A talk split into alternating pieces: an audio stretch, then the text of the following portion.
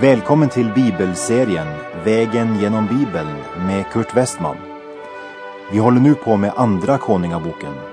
Slå gärna upp din bibel och följ med. Programmet är producerat av Norea Radio.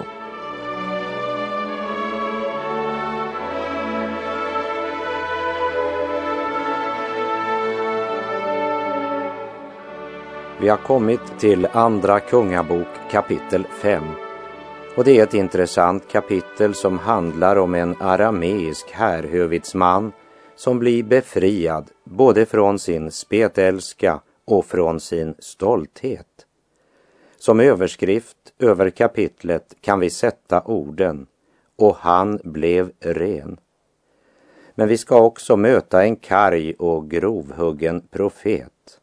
Det är Elisa, han som inte ens går ut för att möta den betydelsefulla man som har rest så långt för att bli botad. Istället sänder han bara sin tjänare med en order. Och vi ska se att det som blev avgörande för den arameiske officerens räddning, det var att hans egen hustru bar vidare vittnesbördet hon hade hört om Israels Gud. Hon hade hört det av en liten tjänsteflicka som hon hade i huset. Ett barn som var en fånge från Israel. Vi läser i Andra Kungabok kapitel 5 och vers 1. Naaman den arameiske kungens härhövitsman hade stort anseende hos sin herre och var högt aktad. Ty genom honom hade Herren gett seger åt Aram och han var en tapper stridsman men spetälsk. Låt oss först se lite närmare på denne Naman. Högt aktad av den arameiska kungen, en tapper stridsman. Han tror inte på Israels Gud, han är en hedning, men en rejäl kar som har stort anseende i sitt land. Och den första versen säger oss att Herren hade använt Naaman när han önskade befria Syrien eller Arameen. Det säger oss att Gud sitter på tronen. Det är han som sänder seger eller nederlag. Och då kan han mycket väl använda en som inte är en kristen för att överföra det till vår egen tid. För den första versen i Andra Kungabok kapitel 5 säger oss att Herren använde Naaman för att fullfölja sin plan. Vi fick också veta att han var en aktningsvärd man, högt ansedd av folket i sitt land, en tapper stridsman. Och genom honom hade alltså Herren givit seger åt Aram. Men trots allt det här så måste vi lägga till orden, men han var spetälsk. Det finns många ofrälsta, världsliga, som är helt underbara människor. Duktiga, rejäla, pålitliga kvinnor och män som med all rätt åtnjuter ett högt anseende.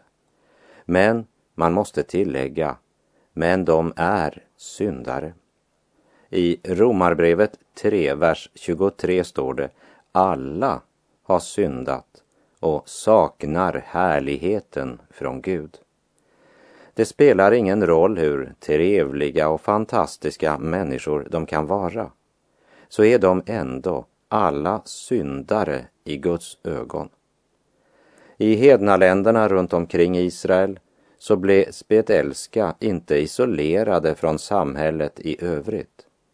Därför är det intressant att lägga märke till att Gud gav Israel mycket klara lagar och bestämmelser om att skilja de spetälska och isolera dem från det övriga samhället på grund av smittan. Långt senare i historien, när vetenskapen hade upptäckt bakterien och konstaterat hur det smittar, så blev de spetälska isolerade också i andra land. Men Gud gav sådana order i sin bok långt innan någon av de andra nationerna insåg att det var nödvändigt. Det är värt att tänka på och besinna. Och innan vi går vidare i kapitel 5 vill jag också påminna om att spetälskan i Bibeln också står som en illustration eller bild av synden. Det talar om att det krävs ett gudomligt ingripande om någon ska bli kvitt sin spetälska. Liksom endast Gud kan frälsa en syndare. En spetälsk försökte nog dölja sin sjukdom så länge som möjligt. Men han kunde inte bota sig själv. Det är många idag som försöker måla över synderna med vit färg. Men det de behöver är att bli tvättade rena, vita som snö. Och det är det endast Kristus som kan. Vi läser vidare verserna 2 och 3. Nu hade arameerna en gång då de drog ut på strövtåg fört med sig som fånge ur Israels land en ung flicka som kom i tjänst hos Naamans hustru. Denna sade till sin matmoder Ack att min herre vore hos profeten i Samaria så skulle nog denne befria honom från hans spetälska. Här möter vi en av de namnlösa Herrens vittnen som skriften berättar om. En ung, liten flicka, men en stor personlighet. Hon tjänstgjorde som slav i främmande land. Hon kunde inte ge några order, men eh, hon uttalar några ord som avslöjar att det är inte hatet eller bitterheten som råder i detta unga hjärta, men en omsorg för både Naaman och hans hustru. Och den unga flickans uppförande under den tid hon tjänat i huset, det har tydligen varit sådant att det har väckt förtroende. Det förstår vi när vi ser fru Namans reaktion. För hon går faktiskt till den arameiska kungen med budskapet som hon hört av den unga flickan. Vers 4. Då gick hon iväg och berättade detta för sin herre och sade Så och så har flickan från Israels land sagt. Och även han tar budskapet allvarligt. Och det är otroligt vad som kan ske när människor gör något med det de hört. Det handlar egentligen om små steg i tro som leder till det allra största resultat. Den arameiske kungen, han beslutar sig för att sända sin officer till Israel. Han är beredd att försöka vad som helst för att hjälpa sin härhövitsman som han aktar så högt. Vi läser verserna 5 till och med 7. Kungen i Aram svarade Far dit så ska jag sända brev till kungen i Israel. Så for han då och tog med sig tio talenter silver och sex tusen siklar guld. Likaså tio högtidsdräkter. Och han överlämnade brevet till Israels kung och i det stod det nu när detta brev kommer dig till handa må du veta att jag har sänt till dig min tjänare Naaman för att du må befria honom från hans spetälska. När Israels kung hade läst brevet rev han sönder sina kläder och sade, är jag då Gud så att jag skulle kunna döda eller göra levande eftersom denne sänder bud till mig att jag ska befria en man från hans betälska. Märk nu och se hur han vill komma i tvist med mig. Här kan vi säga att eh, brevet blev sänt till fel adress. Det var Elisa som skulle ha haft det. Men det blev sänt till Israels kung och han reagerar mycket starkt. Och Israels kung vet ju inte vad som har föregått i Naamans hem. Och inte heller är profeten Elisa i hans tankar precis. Men han ser sig själv som centrum, vilket ju den fallna människonaturen allt för ofta gör.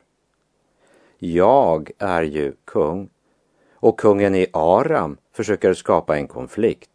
Varför skulle han eljest sända sin högsta officer till mig med en helt omöjlig begäran? Israels kung vet inte vad han ska göra.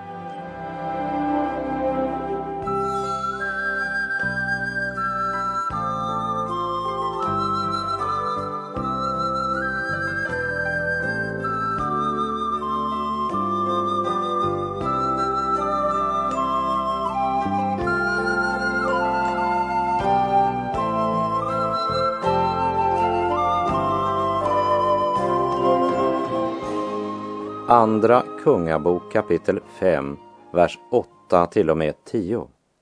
Men när gudsmannen Elisa hörde att Israels kung hade rivit sönder sina kläder sände han bud till kungen och lät säga Varför har du rivit sönder dina kläder?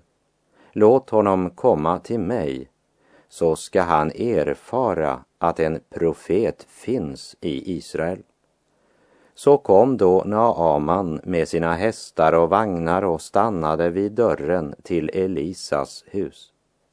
Då sände Elisa ett bud ut till honom och lät säga Gå bort och badade sju gånger i Jordan, så ska ditt kött åter bli sig likt och du skall bli ren.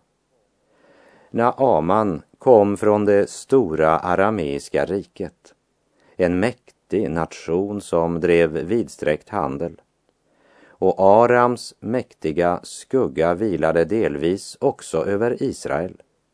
Tänk bara på de strövtåg de gjorde in i Israel. Vid ett av dessa så hade de fört med sig som fånge den unga flicka som var i tjänst hos Namans hustru. Och Naman hade ju en mycket hög position i detta mäktiga arameiska rike.